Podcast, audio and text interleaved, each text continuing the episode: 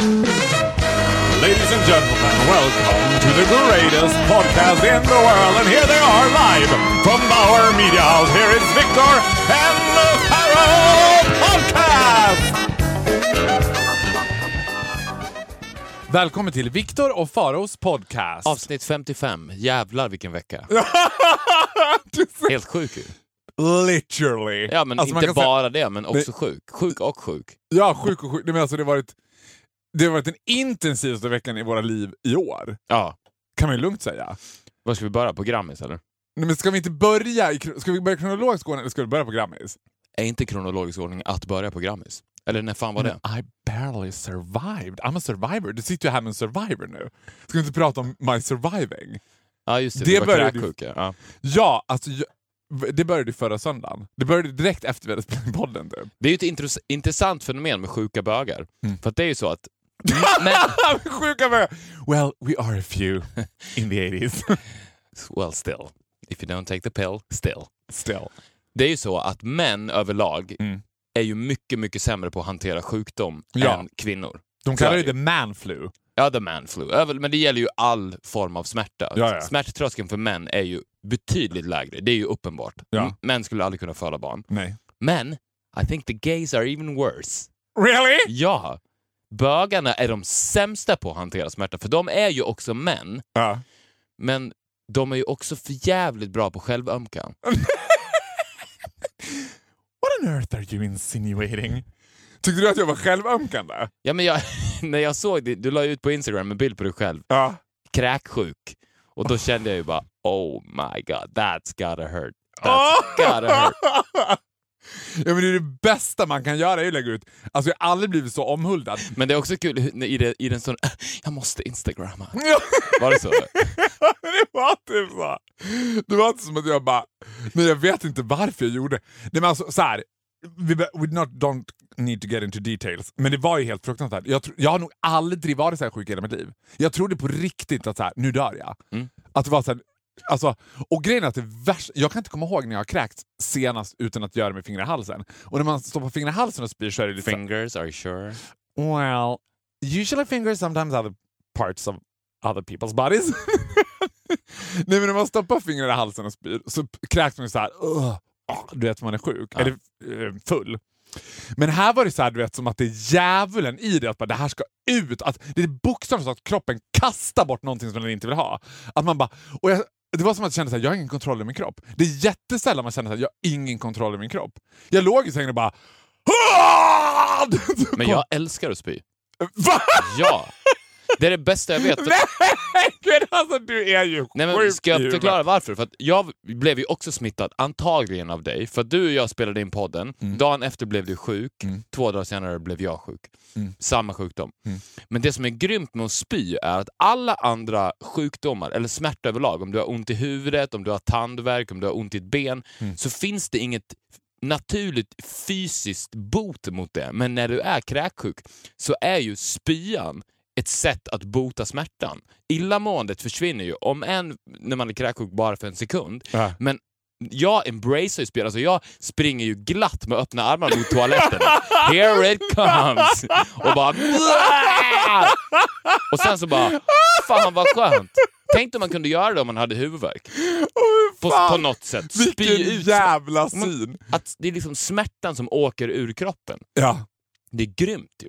ja, men sen... Ja, nu är jag på väg att säga som jag alltid gör. Ja, men jag håller med dig. Jag vet inte om jag... Jo, men det gör jag. Men man blir helt lamslagen efteråt. Man blir som att... Alltså jag låg bokstavligen... Sen får du tycka manflu och bögar och de kan inte hantera smärta. I get it. Men jag låg bokstavligen och åt vatten. Nej, men jag kan inte heller hantera smärta. Jag säger bara att bögarna är ännu värre. Ja, men jag, åt, alltså, jag, jag låg och åt vatten. Jag aldrig varit med om det. Alltså, jag kunde inte ta ett glas vatten och dricka. För jag hade ingen kraft i kroppen. Men känner du samtidigt mitt i kräksjukan att I'm gonna look good after this. I'm gonna look good. Ja, men lite som att Ja. jag bara, I'm losing weight. Och det- Och också att jag har så lite bukfetma som jag bara, men gud det här kommer ju vara så bort. And it was! Ja, jag jag tror att vet. jag tappade typ fem kilo. Det är ju den säkert. bästa dieten. Ja, men jag skulle inte rekommendera det. Bara att- Intensiv, men bra. Men när jag låg där, alltså det är också så här, typ dag två, när man inte kräks längre, men ändå så här, man måste vara hemma för att det är så jävla smittsamt. Mm. Och jag låg där i sängen Och man kände sig som den ensammaste personen på jorden. Du vet. Ingen vill ju träffa en när man inte är sjuk. Man ligger ju bara försöker... Och vem skickade blommor till dig? Yeah, you did. Ja, det var gulligt av dig. Mm. Men du kom inte dit. Nej. Jag ville att du skulle komma dit och mata mig. Men var, och, man, och då tänkte jag så här, ja, precis så här var det vara bög 1987. då låg man där. Och då hade man liksom... det finns en så här... Men är kräksjukan nya hiv?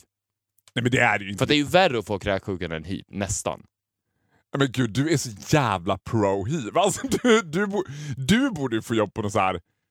Finns det en organisation som är super... Men det ligger sig ut nu när, när kräksjukan sprids som en löpeld genom hela gayvärlden, since you have it, True. så måste ju det ligga, precis som du säger, utslagna bögar över hela Stockholm, på sängar, Ja. smala med blommor vid sängkanten, Ja, förhoppningsvis. Ensamma. Självömkande, tycker synd om sig själv och känner så här: I'm gonna die. Och folk får inte träffa dem på grund av smittorisken. Ja. Det är ju nya hiv. Ja, ju, men lite. Fast det kanske inte riktigt går att jämföra. Ja, men typ lite. Ja. Men det finns en, så här, jag tänkte på en scen, det finns en dokumentär som heter Smittade som handlar om, om HIV under 80-talet. Och då finns det en scen när, det, när de träffar liksom så här, en kille som, äh, vad heter det? Inte Rosendal, eh, skitsamma. Det var någon mottagning som vårdade bögar i slutskedet. Liksom. Och det, han, är så här, han är inte jättesjuk än, man ser på honom att han ändå han kan så här, sitta upp och prata. Man har så här, förlikat sig med tanken på att han kommer dö och att hans familj har tagit... Och jag bara, gud vad sjukt och i den här åldern ligga och vänta på att dö. För min mormor hon väntade på att dö i typ tio år. Det var ju som att hon bara, ja, jag vet inte om jag är med nästa jul. Och så bara, ja, still hanging in there. Men det var i den här åldern och bara, Alltså jag låg verkligen och typ förlikade mig med såhär, ja men nu dör jag. Så här, nu är det här, det är det sista jag gör. Och så tänkte jag ändå att det var ganska gött. Men jag, jag tänkte också på det när jag var sjuk, för jag kände ju då att folk, vilken respekt jag har för folk som kämpar för sitt liv. Ja. För att när man mår så där dåligt, då är ju allt förlorar ju sitt värde. Ja! Det är helt sjukt. Och också, Alltså också, allt förlorar sitt värde. Ja, men det också slogs av så här, hur snabbt det går tills man blir deprimerad. Alltså tills man skulle bli så här. Alltså man kan inte göra någonting. Alltså det här att folk ändå tycker att... För en skillnad kan vara så här, om man är förkyld, då kan jag tycka att det ändå är lite mysigt att vara hemma och man ligger där i sängen och man kollar på serier. Man... Men när man liksom inte ens har kraft att äta ett riskorn och man bara ligger där. Alltså då, det var, jag tänkte ju så här, det är skönare att dö. Kan jag inte bara få dö? Liksom? Jag vill inte dö, jag vill bara inte leva längre. Alltså så kändes det. Jag låg och tittade på Fråga doktorn. Alltså du vet vilken nivå man ligger på då, när man ligger och tittar på Fråga doktorn och ändå tycker att det är ganska bra. Alltså, jag, bara, alltså jag älskar programledaren Fråga doktorn. Henne vill man umgås med jämt.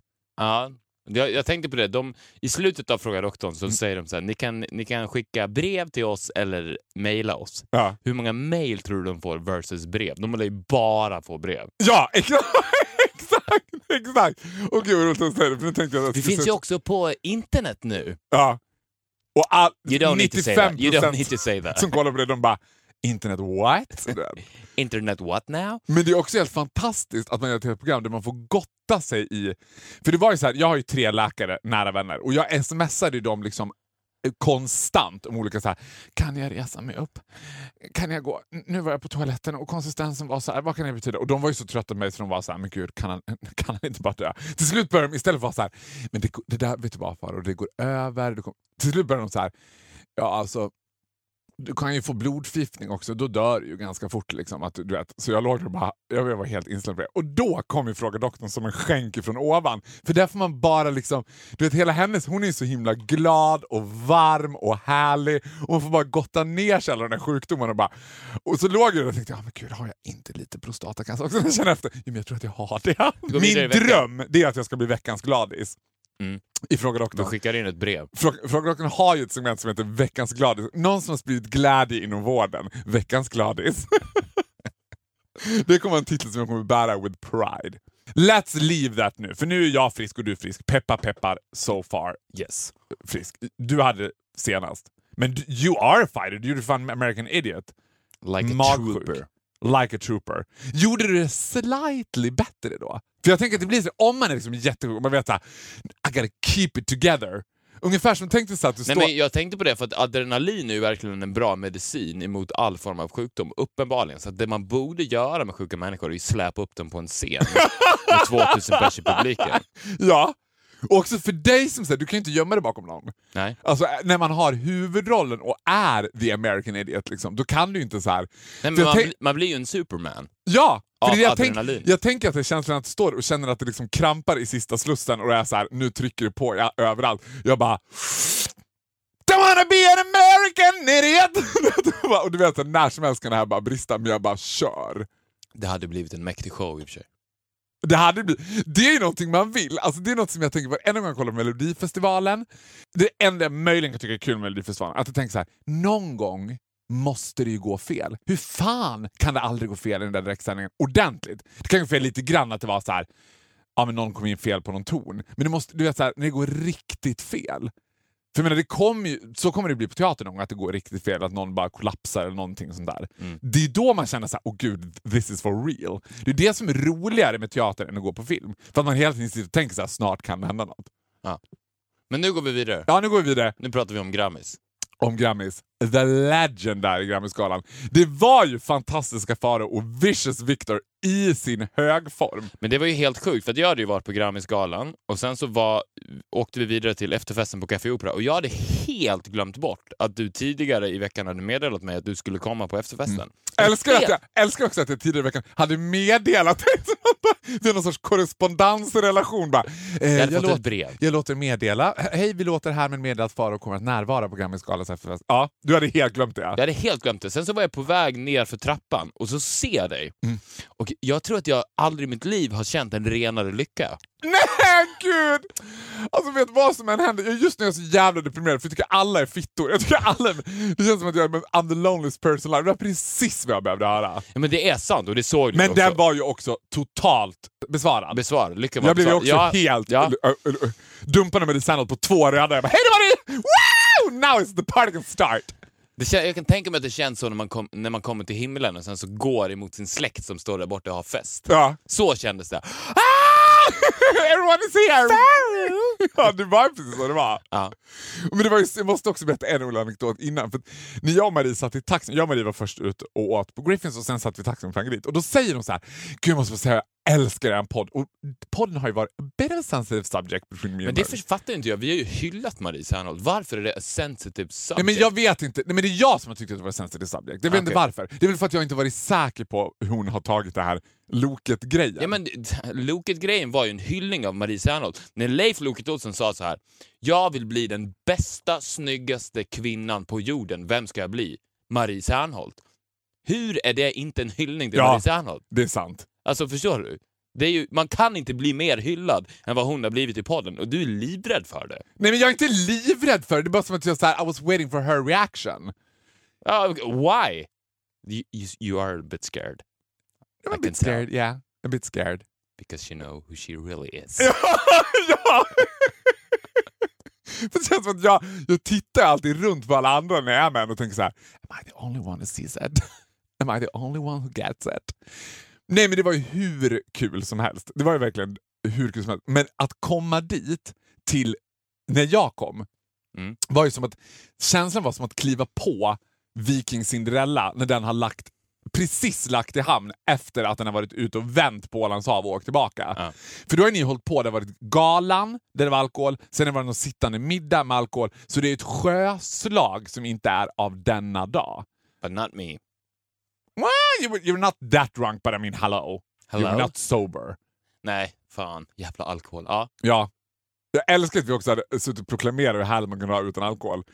Men, men det var ju dödskul. Jag vet inte om du är medveten om de här dramana som jag har drogs in i när, när du försvann. För jag har ju kommit på att så här, hemligheten för mig att här, st- stay out of drama, det är att hålla mig till dig. För jag höll ju mig till dig hela tiden fram till en point, sekunden du var borta. Jag hamnade ju också i drama när du var med. Nej! Jo. Jag bevittnade, vi ska komma till dina dramas. Ja. Vi börjar med mitt drama. För det var ju väldigt kul, för att, eller det, det var kanske inte ett drama, men jag, fick ju, jag blev ju vittne till kändisskapets evolution. Ja.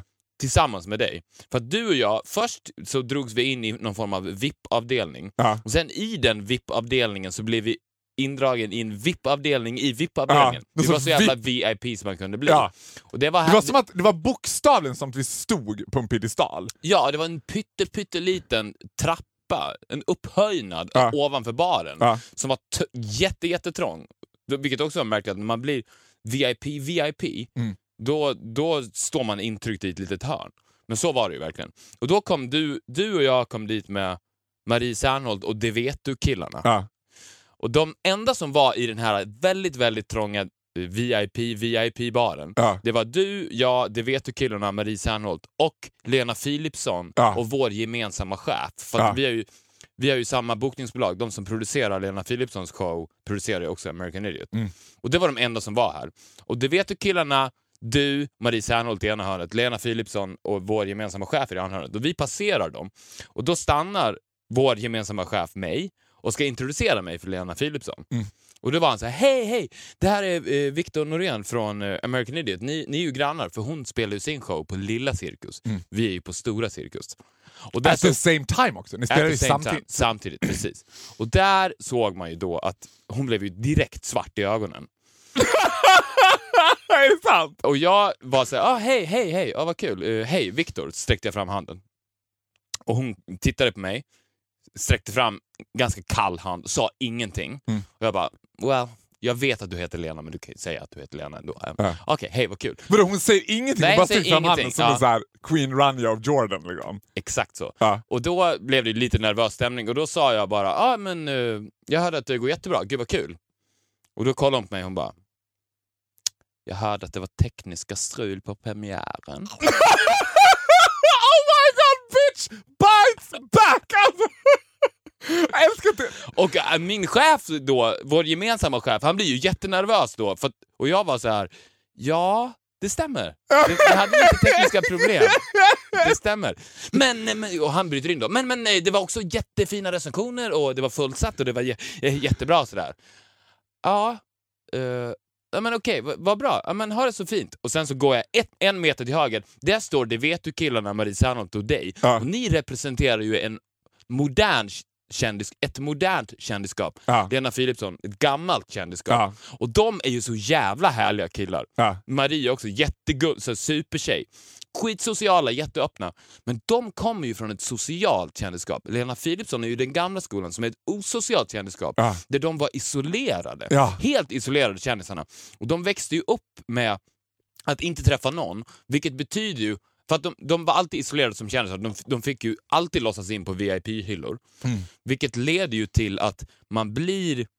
Eftersom om du, för att om du aldrig träff, träffar människor överhuvudtaget så har du ju förutfattade meningar om människor. Ja, ja. Du tänker ju alltid sämre om människor än vad de egentligen är. Jag tror Ja. till och med om du skulle äta middag med Jimmy Åkesson så skulle du antagligen säga så här, "Ja, men han var ganska trevlig. Ja. Det är ju nästan jämt så. Jag tror att jag aldrig har träffat en person där man har sagt så här, fan mina förutfattade meningar blev verkligen bekräftade, vilket jävla asshole. Nästan alla människor är ju trevliga. Ja. Men, och det vet du, Marie Serneholt och du, ni kommer ju från ett, ett socialt eh, kändisskap där det, ja, speciellt det vet du och du, Ja. eftersom er, ert kändisskap är baserat på sociala kontakter med människor via sociala medier.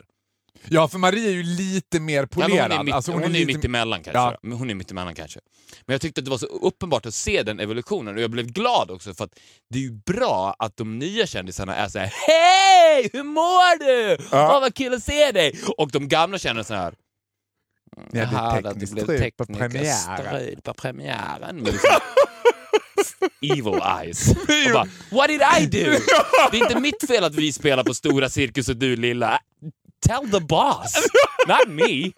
Men du hanterar Och jag, jag var så jävla trevlig också. Ja. Så jag, jag, jag, fattade, jag var verkligen så här: what's the problem? Men do you think I bring out the best in you? För du var ju så jävla trevlig hela kvällen. För jag var lite såhär när du kom, jag bara oh oh, here comes trouble. Jag bara, nu kommer du vara så här. Don't take this wrong, för du kan ju vara Vicious Victor. Liksom. Ja. Och det var ju lite så här när vi stod på den där upphöjda hyllan, som också var helt absurt ljussatt. Tänkte Ja. du på att den var så här, det, är liksom, det här är ett uteställe, det ska vara liksom klubbkänsla, och den är så här ljussatt med jättestarka strålkastare, som en scen. Typ. Det var ju en scen. Man står i så jättestarkt motljus. En väldigt liten scen. Jag känner mig alltid som, alltså jag känner mig alltid, Bodil, jag känner alltid som att jag gör ett besök i den här världen, som att jag inte hör dit. När jag skulle försöka betala hos bartendern till exempel och stod och viftade mitt kort och du bara “det är fri bar” och jag bara "Eh, “ja, förlåt, förlåt”. jag känner mig så jävla dum. Men för sen när vi stod där och de skulle bara “nu tar vi en shots, yay!” Du vet, både du och jag. Och man ser skräcken när man ser dem hälla upp Fernet. Alltså jag fy bara, nej men vem gör det? Vem tar liksom på så... Nej, men på för det första shots... shots Eller är- sprit överlag. Alltså där, där blev du och jag synkade i vårt eh, alkoholhat som Ja, vi ändå gud. har. Ja. men det, och det är det värsta, då är det som att man... För det första är ju shots aldrig gott. Nej. För det för, shots är som att man precis har snortat kokain och bara “Nu tar vi amfetamin!” Man bara “Nej men vänta, kan vi inte bara liksom... Vi har precis tagit glas champagne, kan vi inte bara hålla oss till det?” “Nej, kör amfetamin nu också!” du vet. Man bara “Ah!” Let's överdosera. Och då var ju vi vicious när jag lärde mitt bästa trick. Liksom. För det här gör jag jämt. Det är att man så här, ser till att man är många som ska skåla i den där shotten och sen så, här, så fort man shot, får shotten häller ut den bakom en gardin och sen bara “Whoops! Oj, jag svepte min först! Woo! Och gud, jag är så full nu!” Alla bara “Oj, han var snabb!” Vill du höra om mina drama? Ja, nu går vi till dina dramas. Du, Det här var ju sekunden du släppte mig liksom, out of your sight. Mm. Det är därför så jag behöver dig också som en typ av övervakare och mastermind behind me. För då var det ju liksom the encounter med Oscar Sia. När jag och Oscar Sia skulle prata ut på toaletten. Vem var det som tog initiativet till det? Var det du eller han? Ja, det var han som tog initiativet att vi skulle gå in på toaletten. För det var så här, då hade vi redan Men pratat. vad skulle ni prata ut om? Det vi har sagt i podden? Nej! Nej, jag kommer inte, nej men alltså tjejsnack typ. Vi låser dörren inte damernas så ingen annan stör. Alltså, det, var verkligen så här. Det underbara med Oscar säga, I fucking love him to pieces for that. Det är att han har gjort, i och för sig, det, de flesta bögar är Anton Hysén excluded, men han har ju blivit liksom camp as Christmas när han kom ut. Alltså han är, du vet, jag framstår ju som en ganska grabbig hockeykille i jämförelse. För nu är det bara men fan, jävla massa ensak. Är det sant? Han pratar i 190 och det är så flamsigt och det är tjejer och det är bara och det är killar och han har en kille på gång och sen en kille utanför. Hur ska det gå? Nej, nej, nej. I, för då tänker jag så här, men gud, allt det här har han suttit och tryckt bort. Det är klart att han älskar att få prata med Gandalf the Gay. Du vet. Det är som när Frodo får så här uppgiften, nu, ska du, nu får du härskaringen. Och han blir helt uppe i varv. Liksom. Exakt samma känsla på Oscar Sia. Så vi står där inne och håller på och flamsar och bla bla bla och det är massa killsnack och du vet, och han men jag måste bara veta en sak bara. Och, har du legat med Samir? Jag bara, alla frågar mig, har jag legat med Samir? Samir Baran är väl kanske typ den sista personen jag skulle ligga med. Det var helt Han är väl inte gay eller? Nej men alltså det är helt också konstigt att vi skulle ligga med varandra. Jag förstår inte alls liksom, varför det ryktet ens existerar. Trophy fuck. I would as a trophy fuck of course. Liksom. I alla fall, så plötsligt är det som att jag så här, klarnar till i huvudet och fattar så här. Nu har vi varit inne på toaletten för länge. Det här är inte bra. Liksom. Det börjar bankas utanför. Det blir så här, du vet, oh, oh, du vet. Man får inte ligga på toa och man, alltså man får inte vara på Va? toa. Får man inte? Får man inte ligga på toa? Nej, jag tror inte det. det vi låg ju inte. Nej, vi låg inte. Men, men mest är det som att så här, så här, tjejer får ju vara med varandra på toa, men killar får inte vara med varandra på toa för då tänker de direkt they take drugs. Ja. Så vi kommer ut och då är det ju så här lite uppståndelse utanför. Liksom, att så här, Vad fan håller ni på med där inne? Liksom.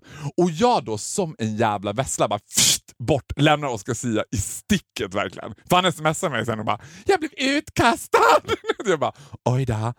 Och tycker så här, ah, men gud vad skönt, nu har jag parerat bort honom, nu liksom hamnar inte jag. För jag var också så här, för fan vad drygt att bli utkastad från Gammelskalas efterfest, det skulle kännas lite lortigt. Hamnar direkt i klorna på Yohio. och det är one piece of pissed off Yohio. Jag alltså det var fan det sjukaste jag varit med om. Och grejen var att jag var så full och fierce, så det var inte som att jag bara förlåt, alltså förlåt. Utan jag bara da, da, da, det började stå och tjafsa tillbaka. Men Nej, vad sa han för någonting? Vad är det han är så arg på? Ja, men för det första var jag så här. För det första hände det här, liksom, jag var inte beredd på det. Jag känner plötsligt att det är någon som så här, grabbar tag i mitt knä, typ, för att han är inte så jättelång. Liksom. Och jag vänder mig om och då kommer han också med en mobb av emo-kids liksom, som bildar någon sorts emo-järnring runt mig. Liksom, och, bara, och sen, he, he goes on for 30 minutes. Alltså on and on, the hate he feels for me goes on and on. Alltså, och han bara, men var det för att vi avslöjade hans Japan scam, som vi också faktiskt hyllade? Vi vill påminna folk om det att Yohio gjorde en helt briljant PR-kupp när han lurade sig hela vägen in i Skavlan-soffan på scammen om att han var stor i Japan, när det inte var sant. ja, men det var typ det, Var det och det sen... han var arg på? Nej, det var mer liksom vad jag sagt i Energy. Och grejen var att han var liksom inte arg, han var förtvivlad. Alltså han var helt... Och jag tyckte det var Vad så är det du har sagt? Nej men jag har, jag har typ skojat om... Så här, för två och ett halvt år sedan så skojade jag om en intervju han gjorde i Robins, där han var jävligt dryg. Alltså att han var så här. Eh, Yohio var, blev intervjuad i Robins, den här talkshowen, och var så här. jag tänker att om man ställer upp och blir intervjuad i en talkshow så får man ändå ge lite av sig själv. Alltså jag tänker så här, du är ändå extremt bra. Du vet, jag tror inte, veckan efter du hade varit med Energy så pratade de inte om något annat. De var så här, han måste vara gäst hela tiden. För, ah, för grejen är att det finns... nu vet inte jag om jag liksom avslöjar branschen, vet jag skiter i det. Men det finns en så motsättning mot att ha gäster alltid i Energy, för att gästerna är alltid tråkiga. Nio av tio gäster är pisstråkiga och man får så här driv, du vet, samtalet Ja. kommer ingenstans. Men du, du bara tog över micken och tog över samtalet och det är drömmen för dem, liksom, att det ska vara ett samtal som pågår. Det gjorde inte Yohio, jag skojar om det. Jag, så här, jag minns ju aldrig riktigt vad jag har sagt, men uh, apparently I said some really nasty things. Sen sa ju hans pappa att de som är allierade med Farao är allierade med Hitler ordagrant sa hans pappa i sociala medier att, att jag var en fruktansvärd person och att jag är ensam, jag kommer dö ensam, det finns ingen som kommer älska mig, jag är du vet, eh, kall. Han bara gick på verkligen. Så då har jag skojat om det också. Och Yohiro helt oproportionerligt förtvivlad. Jag vet inte om han var superfull eller vad grejen var. Men han bara han var som att han höll på att börja gråta. Han bara, jag I've been nothing but nice to you! Alltså vad fan är du emot mig? Alltså, varför kan du inte bara ge Finns det någonting man älskar mer än kränkta kändisar? Nej! Och grejen var att jag stod där och bara skulle först hålla mig för skratt för jag bara det här är så jävla absurt. Alltså jag förstår inte vad jag har gjort för fel. Alltså, vad, vad har du emot mig? Alltså jag försöker vara schysst mot dig jämt. Jag bara men där har vi sett. Jag bara, det blev bara så märkligt. Sen var han som bara... Och Men min, tror du att det var ett, ett, alltså ett till scam? Vadå att han ska försöka så här... Be my Nej, men friend? efter the, the Japan scam, Mm. att hans nya scam är att han ska vara kränkt. I don't know and I don't care. Det var det märkligaste jag varit med om. Och han bara on and on om, hans pappa, om hans pappa absolut inte är homofob. Och jag försökte till en början här, men vet du, du måste fatta min grej liksom. Du är en offentlig person, du har ett väldigt märkligt uttryck. Jag ber jättemycket om ursäkt om du känner dig kränkt, men this is the way it goes. Ja men, men, men vad fan, du kan inte, jag, jag, jag, jag, jag fattar inte vad jag gjort för fel, jag fattar inte vad, hur fan kan du göra såhär? Jag vill att du går ut och be, ber offentligt om ursäkt liksom. Det hade varit Och jag bara, nej men Yohio, du fattar att om jag går ut och ber offentligt om ursäkt, it'll be just another joke. Folk kommer tro att men det går inte. Men gör det då Nej, här. Nej men jag har gjort det, jag gjorde det Energy. Ja, du har bett honom om ursäkt? jag, ja, vad bra. Avbönt, jag har korsfäst mig själv och bett, jag har sagt att allting jag någonsin har sagt om Yohio har varit påhittat, det finns ingen sanning i det, Yohio är en fantastisk människa. Men sen står jag där och sa honom, vet du vad? Nu måste du bara sip it och gå härifrån. För alltså, du fattar att everything you say will end up in my pod. Det här kommer inte, det, alltså, du vet, it's just another joke. Men jag var så fascinerad. Grejen var att jag har ju f- liksom funderat över den där situationen för att så här, vad händer när jag konfronteras med någon som jag har snackat skit om eller någon som jag har gjort mig rolig över? Liksom? Hur ska jag hantera det då? We all remember Måns Zelmerlöw när han bara Ja, jag brukar ju lyssna på dina Energy-klipp. Liksom. Jag har ju sagt att Måns har kissat i min skolväska och vi har inte heller varit jätte... Vi har inte liksom haft silkesvantarna på oss när vi har diskuterat Måns. Liksom. Nej. Och då när jag pratade med Måns tänkte jag så här, ja, men enda sättet att hantera det här är att köra på samma linje rakt av. Det går inte att börja så här.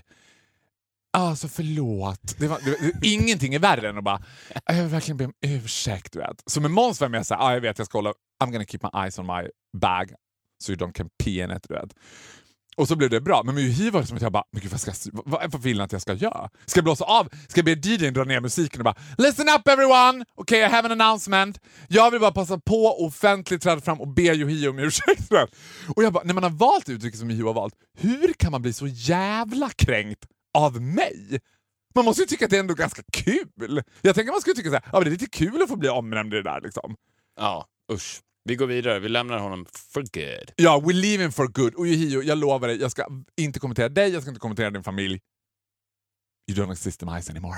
Har du klippt dig? Nej. Har du inte? Ser det Du ut som att jag gjort det? Va? Du har ju en jävligt intressant frisyr. För Nej, säg inte så! För I'm, I'm Nej, kind nej. of working with my hair right now. den- I like it. You do? I love it. Thank you. Always. Men det som är intressant med ditt hår är att du, fast du har en frisyr, Mm. så har den förmågan att visa sig i tio olika. Men var det... Ja, för vet du vad det var någon som skrev, undrar om det var på mitt Instagram, eller vad, som någon skrev såhär Hej Faro, jag undrar vad du använder för produkter i håret. Du, du har alltid en tendens att se så blöt ut. jag bara what? Jag har aldrig tänkt att jag har någon sorts wet look. Har du tänkt så här, men ibland, har, ibland dyker den där wet looken upp. Nej, det har jag aldrig tänkt. Men nu, din bena lever sitt egna liv. Vad händer med mittbenan förresten? Den är helt borta. Nej men mittbenen fick jag lämna, det där har vi pratat om. Nu håller jag ju på att spara ut den här vansinnesmohikanen som du vill ha. Eller vad- Hockeyfrilla, ja. Ja, hockeyfrilla Ja. slash mohikaner. Alltså, vi pratar Men hur ofta hardcore hockeyfrilla. Hur ofta klipper du dig? En gång i månaden. En gång i månaden? Ja. Så ofta? Vet du du vad jag också gör? Jag klipper mig hos samma person jag klippt mig hos sen jag var 15 år. Jag vet, men det här skulle jag vilja... And she's fucking brilliant. Det här, och det är... Jag skulle säga att när man väljer frisör Mm. så är det viktigaste, det viktigaste är inte hur bra personen är på att klippa. Utan att du alltid går till samma person. Ja! Alltid, för att jag tycker att det är en av de mest komplicerade sociala relationerna som finns i hela världen. Är kund och frisör. Värre än mor och dotterrelationen. Nej, men jag, skulle, jag tror på riktigt, att, och det här är ännu en affärsidé som jag tror skulle bli en ginormous hit. En frisörsalong där det råder tystnadsplikt. Och då menar jag inte en tystnadsplikt som socionomer har, utan frisörerna får inte säga ett ord till sina kunder. De måste vara tysta. Som ett bibliotek, det är knäpptyst där inne. Och de får inte prata med sina kunder. För jag tror att det är jättemånga, speciellt män, som är lite socially awkward, som skiter i att klippa sitt hår bara för att de tycker att det är så socialt awkward att gå och sätta sig där. Och de vet att det tar ändå ett tag att klippa ett hår. De måste prata i 30-35 minuter med en främling. Ja, men då ska, I så fall, för att det finns ju exakt samma sak, men the opposite way around. Så då skulle ju det vara så här, då skulle det finnas den typen av frisör, Nej, men en tyst av- silent hairdresser, skulle, en, eller en tyst avdelning, skulle vara, Precis, ett, som i SJ-tåg, en tyst Ja. avdelning. skulle vara ett alternativ man kan välja till. För att Ja, de, att det blir dyrare. Ja. ja, men de Ja. flesta jag känner går ju till frisörerna för att få prata hål i huvudet på frisörerna. ja, men you only know gay people. Jag pratar om straight... I don't, don't only know gay people. And jag tror me. att, ja, och dig. Ja, men jag pratar... Jag, Grundar sig jag, det här i att du tycker alltid att är Ja. awkward att gå till frisören? Nej, men jag har gjort det i mitt liv. Jag har ju blivit bättre på det. Men jag har, och jag har också ofta ljugit för frisörer.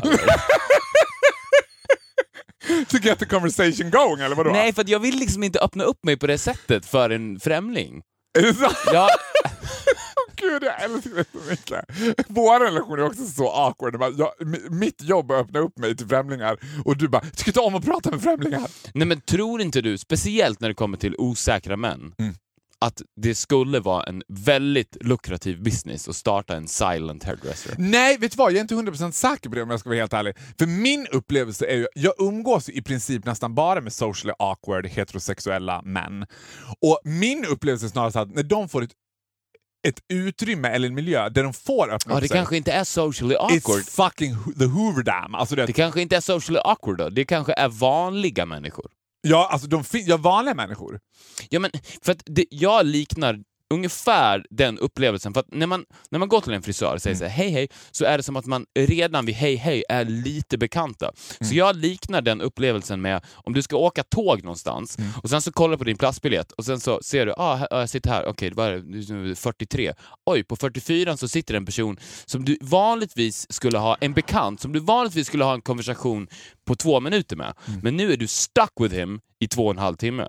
It is a nightmare. Exactly. Vet du vad jag hade the other day? Nej. Går på dejt. Eller date, date, jag vet inte. Skitsamma, det behöver vi inte gå in på. Men en person that I really like. Du vet. Och då ska vi gå på ett mysigt liten restaurang som är väldigt intim. Mm. Och när kyparen bara ah, “varsågod, det är ledbordet”, placera oss literally en decimeter ifrån en kicktjej. Alltså från en tjej som jag känner via jobbet. Vet. Och man sitter så nära varandra så att det är inte som att vi kan bara hej hej och sen bara gå in i vårt samtal. Utan samtalet hela tiden stakar sig med att säga ja hej, Ja, Jaha, exakt. vad, vad har ni ätit för något? Ja, och jag bara, nej men jag vill bara här. Du vet, och hade jag varit mer observant så hade jag stoppat Nej! Inte det bordet. Inte det bordet. Nej, nej, nej. Vad som helst inte det bordet. Men när han väl hade visat oss bordet och hon hade bara, nej men hej! Du vet, så gick det ju inte bara, inte det bordet. Du vet. Då går det inte att säga nej. Nej. Det går ju inte att byta plats på ett tåg. Men det kan man ju inte göra med en frisör heller. Man kan ju inte säga så här, jag skulle vilja byta i halva klippningen. Jag har gjort det. Har du? För Ja! Du, du har haft samma frisör sedan du var 14. Nej, ja, men ibland så kan hon inte. Ibland så har inte hon kunnat, då har jag gått till andra. Och då har det varit så här att för grejen med frisör, det är att om, du, om jag inte får feeling, om jag inte känner så här, ja men jag litar på den här personen, då kan inte jag. Jag halv, hälften av klippningen, jag bara, nej men vet du vad, det här kommer inte gå. Du och jag, vi pratar inte samma språk. Jag måste, du, måste ha en annan frisör nu. Men en annan grej också är att det känns ju som att det sociala ansvaret också ligger hos kunden Ja! när man klipper sig. För det är jag jämt känt också, när det blir en pinsam tystnad, vilket det alltid blir hos en frisör. Ja. Det blir, för att man känner dem inte, men man ska, ha, man ska hålla konversationen vid liv. Och sitter jag sitter där och jag får panik alltså efter en minut av tystnad. Jag måste säga någonting. Så därför skulle jag, man skulle i alla fall... gå in och bara, ni har ingen dövstum som jobbar här inne. Det är ju en ännu bättre idé. Det är en ännu bättre idé. Men, men jag tänker också att heterosexuella killar fördomsfullt nu har en relation till klippning som är mer såhär Fan nu måste jag gå och klippa mig. Och så bara tar de en random hairdresser på stan som de bara ah, jag Det har de Har, har ni, har ni tid? Du vet? Jag Det tror inte att de har sin frisör som de bara ringer sin frisör. Jag bara, har ju det. som du all, hur länge har du gått till samma frisör? Eh, jag har gått till samma frisör i kanske fem, sex år. Och är ni s- lika awkward varje gång? Nej. Men jag pratar ju om, det här, det här är ju en tidigare passage i mitt liv när jag befann mig i den gruppen män som du pratar om. Ja. Som bara, ah, jag måste Men klippa manliga mig. frisörer, tänker du inte att det här är också relationen mellan... Tänker du också att... Tänker du inte... Jag, menar, jag bara spekulerar nu när du säger sådär. Att jag tänker att det är relationen mellan en heterosexuell tjej och en heterosexuell kille där liksom det ska vara så här påkrystat socialt. De känner inte varandra, men de ska prata om ganska sociala saker. Och det gör ju aldrig heterosexuella killar och heterosexuella tjejer unless liksom, de raggar på varandra. Sant. Att det, det skulle, vara, skulle vara bekvämare... Du hade varit superbekväm with a gay. Hallå! De stod bara I'm gonna cut your hair honey. Man kanske kan slänga in en liten frisörsalong i entrén på Fitfag. Ja, men det, men det trodde jag var givet. Jaha, var det givet? Ja, det ska ju vara så. som en helt så här, Perfekt. beauty salon. Är det någon som ska dra igång Fitfag så får ni gärna göra det. För att Jag I, träffade, I jag träffade vårt fan Gry Forssell häromdagen. Hon var ju riktigt sugen på att dra igång Fitfag. Var Hon, hade- ja, hon hade värsta planer på det. Och då tänkte jag så här, men gud, vi kanske ska börja copyrighta vissa av grejerna vi kommer på. Så att inte andra kan bara totalsno idén och göra det skitbra. Hon får göra det. Hon får göra det, because we love her. We love her. Sista frågan om din frisör, sen ska släppa det. Är det en man eller kvinna? Kvinna. Why do you like her so much? Jag, jag vet inte. Jag sa att jag I liked her so much. Nej men apparently you do eftersom du har gått där i fem år. Hon är bra på att klippa håret. Skulle jag kunna få dig att byta frisör? Nej. så kul! Oh, the love I feel for you goes Fast nu on jag and on. ju... Nu har jag, ju- Älskar att du i split second tänkte bara nej, nej, nej, nej. Nu har jag ju mina frisörer på Cirkus. Har ni frisör? Har du egen frisör? Ja. Blir du makead också själv eller makeas du varje gång? Jag makeas varje gång. Är det det bästa som finns? Att bli makead? Ja. Nej, det bästa som finns. ja men jag kommer ihåg när jag gjorde TV. Det älskar det. var typ det Those roligaste. were the days. Då, du vet när jag gjorde TV, det var många år sedan. Jag gjorde en säsong Vardagspuls. Sen var det back to radio. Back to radio! Because I had the radio look. Nej men jag kommer ihåg när jag gjorde Vardagspuls att just så här, själva sminkgrejen, att den var typ som en extended version av att gå till en frisör. Att man fick sitta i den där stolen och man fick bli så här ompysslad och de höll på och greja och fiffade med en. Jag trodde att jag skulle hata det för jag är ganska så här. Alltså jag blir lätt uttråkad och vill att det ska hända saker fort. Men I loved it. Tycker du, ja men du hatar ju smink. Jag hatar det inte. Men du hatar att tvärta av Jag det. försöker hata så lite som möjligt. Ja. I'm a lovable guy. You're, you are the most lovable guy ever. Jag såg det programmet Skalan, jag var så här, men herregud. Och också så här, folk, jag tror att många tänker att du och jag umgås bara i podden, men alltså jag har ingen annan som det är så roligt att gå ut med. Det var också Nej, att man så här, när man är så det är allierade som du och jag är, så är det som att sekunden vi träffas, då det existerar bara du och jag. Ja, oh ja. Och jag, jag, alltså, Och alla andra är besökare i våran värld. Och det, alltså det var, åh! You made my night. Varför gör vi inte det oftare? För att jag kände, det var ju en kombination av chocken att se dig. När jag, inte, jag hade helt glömt bort att du skulle komma. Det tänkte jag också på. Alltså, surprise parties Ja. måste man ju göra oftare. Men det behöver inte vara ett party. Det kan bara vara en Men surprise. har inte vi haft den här diskussionen? Ja, det kanske vi har haft, men jag tycker att man i så fall bör ta upp det igen. För att jävlar vilken vitaminkick det var att bara dyka upp sådär. Från ingenstans. Alltså tänk dig i ett scenario Ja. det du är och sen så bara från ingenstans dyker jag upp. För det var precis den känslan jag fick när jag såg det på Grammis. Och det gjorde att hela min kväll liksom eskalerades till en helt ny nivå som jag inte visste fanns den kvällen. För egentligen borde det vara så här, för jag tänker att när det eskalerar så där, så tänker jag att det också är så här att man liksom eh, om man går ut med varandra, vi skulle gå ut med varandra, då ska man ha hela den där startsträckan. För när jag träffar dig, du är ju också på topp liksom. Oavsett om jag hade varit där så var det ju mentally I top. was going down. You were going down. Ja okej, men du hade ju var, du hade ju pikat liksom. Men om man skulle gå ut med varandra, då, då ska man ju så här förfesta, äta middag, då ska man bygga upp allt det där Men man ska inte planera det på något sätt. Jag ska bara, jag ska bestämma bakom din rygg att jag och Faro ska gå ut ikväll. Ja! Och sen så kollar jag upp bakom din rygg ditt schema, vad gör han? Okej, han är där då. Sen så bara, hallå! Så dyker men jag då upp och sen går vi ut. friendjackar ju du mig också mot någon annan. Ja, men då får man ju ho- hooka med någon som känner det. Så här, jag planerar att friendjacka Faro på torsdag, var är han någonstans? Och det ska inte vara när du fyller 30 eller någon big Nej. occasion. Bara randomly A upp. random Thursday. Nu går vi ut. Alltså det, alltså att, för att, att gå ut handlar så mycket om att få en bra start. Man Ja. vill få den här vitamininjektionen på en gång. Ja. Så det kan man verkligen rekommendera till folk. Vill ni ha en kul kväll? Friend Jacka dem. Ja. The Friend Jack is the new Jack. It is, it is. Speaking about new things, let's go into the competition. Just det, vi hade ju en Vi tävling. har ju en tävling och nu, nu har den avgjorts. Ja, vi, vi hade en tävling att eh, ni kunde mejla oss. Jävlar vad mycket mejl vi fick. Ja, så jäkla Och tack kul. så jättemycket. Vi önskar såklart att vi kunde bjuda alla er på American Idiot tillsammans med Faro. Men eh, tyvärr eh, kan vi ju inte det. När Men ni vi får har- gärna när vi köpa har- biljetter. 100 000 lyssnare, då hyr vi hela cirkus. Då hyr vi hela stora cirkus, inte, Ja. inte Lenas lilla Men det cirkus. heter inte Lenas lilla cirkus. Lena, varför heter inte din show bara Lenas lilla cirkus? alltså, jag älskar det. Vad ska du ikväll? Nej, jag ska på Lenas lilla cirkus.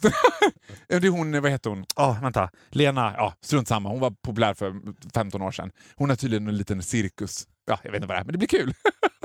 Lenas lilla cirkus. Ja. Ja, Ska, nu ska vi avslöja vinnaren.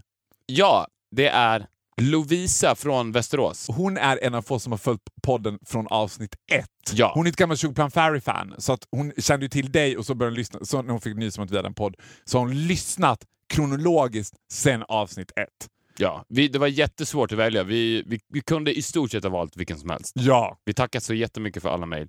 Jag, eh, vi kommer mejla dig, Ja. Lovisa, och sen så styr vi upp ett datum som passar både dig och Faro. Ja. Och alla ni andra, köp biljetter för Faro är i alla fall på varenda spelning. Frank Jacka mig! Jag kommer sitta där på ja, Rad 8 han sitter där på Rad spelning. 8 och gråter. Och gråter. Saknar du mig? Nej, men du såg ju inte ens mig. Nej. Ja, men jag och Lovisa ska se till att sitta långt fram i alla fall. Ja, och sen så får ni, det blir inget vin i pausen då, för hon är ju bara 17, men vi ses ju efter spelningen också. Ja, de får ju the legendary meet and greet. The legendary meet and greet. Okej, ni kan mejla oss om... Vi har varit lite dåliga på att svara på mejlen. Vi måste bli bättre på det. Ja, jag vet. Men vi har ju Fan. fan varit magsjuka. Det är sant. Vi har legat och ätit vatten med tesked. På viktorochfaro.gmail.com Mm. så kan ni följa oss på Instagram, Mm. farogrot och Viktor underline Norén. Det finns ju en... eh, Vi kan säga så här, vi tar ju till oss alla, alla önskningar. Det finns ju en önskan om att vissa segment ska göra return and pod. They might do. Vi har ju alltid sagt att vi aldrig har lagt ner något. Vi har bara stoppat det i arkivet och kan när som helst plocka fram det igen. Ja, men jag tycker ändå att det är kul att bara prata också. Ja, men Samtalet är ju det viktiga. det är också det magiska. Senast i morse när jag skjutsade hem eh, The Twink så var han så här, men alltså hur, hur lång tid innan planerar ni vi ska prata om? Jag bara, ja, 30 sekunder innan kanske? Nej, vi planerar inte alls. Vi planerar inte alls. Det är ju det som är magin. Allting handlar ju om Men det skulle kemi. vara så märkligt att ha en podd där man hade planerat vad man skulle prata om. Vet du vad det hade blivit som? Att ha en podd med sin frisör. Ja. Frisör. Socially awkward Social awkward. weird. Är det så att du spaltar upp några samtalsämnen innan du kommer till din frisör som du vet så här, Det skulle jag behöva göra. ja, du kan beta av det där så är det i alla fall, så är vi safe. Mm. Tack för att ni lyssnat på avsnitt 55. Vi syns nästa vecka. Ja, det är vi. Hej då! Ett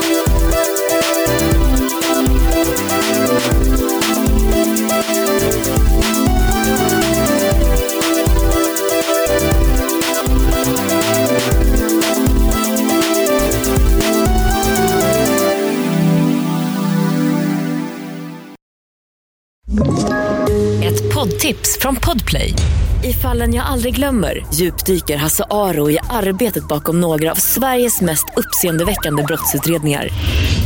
Går vi in med hemlig telefonavlyssning och, och då upplever vi att vi får en total förändring av hans beteende. Vad är det som händer nu? Vem är det som läcker? Och så säger han att jag är kriminell, jag har varit kriminell i hela mitt liv men att mörda ett barn, där går min gräns. Nya säsongen av Fallen jag aldrig glömmer på Podplay.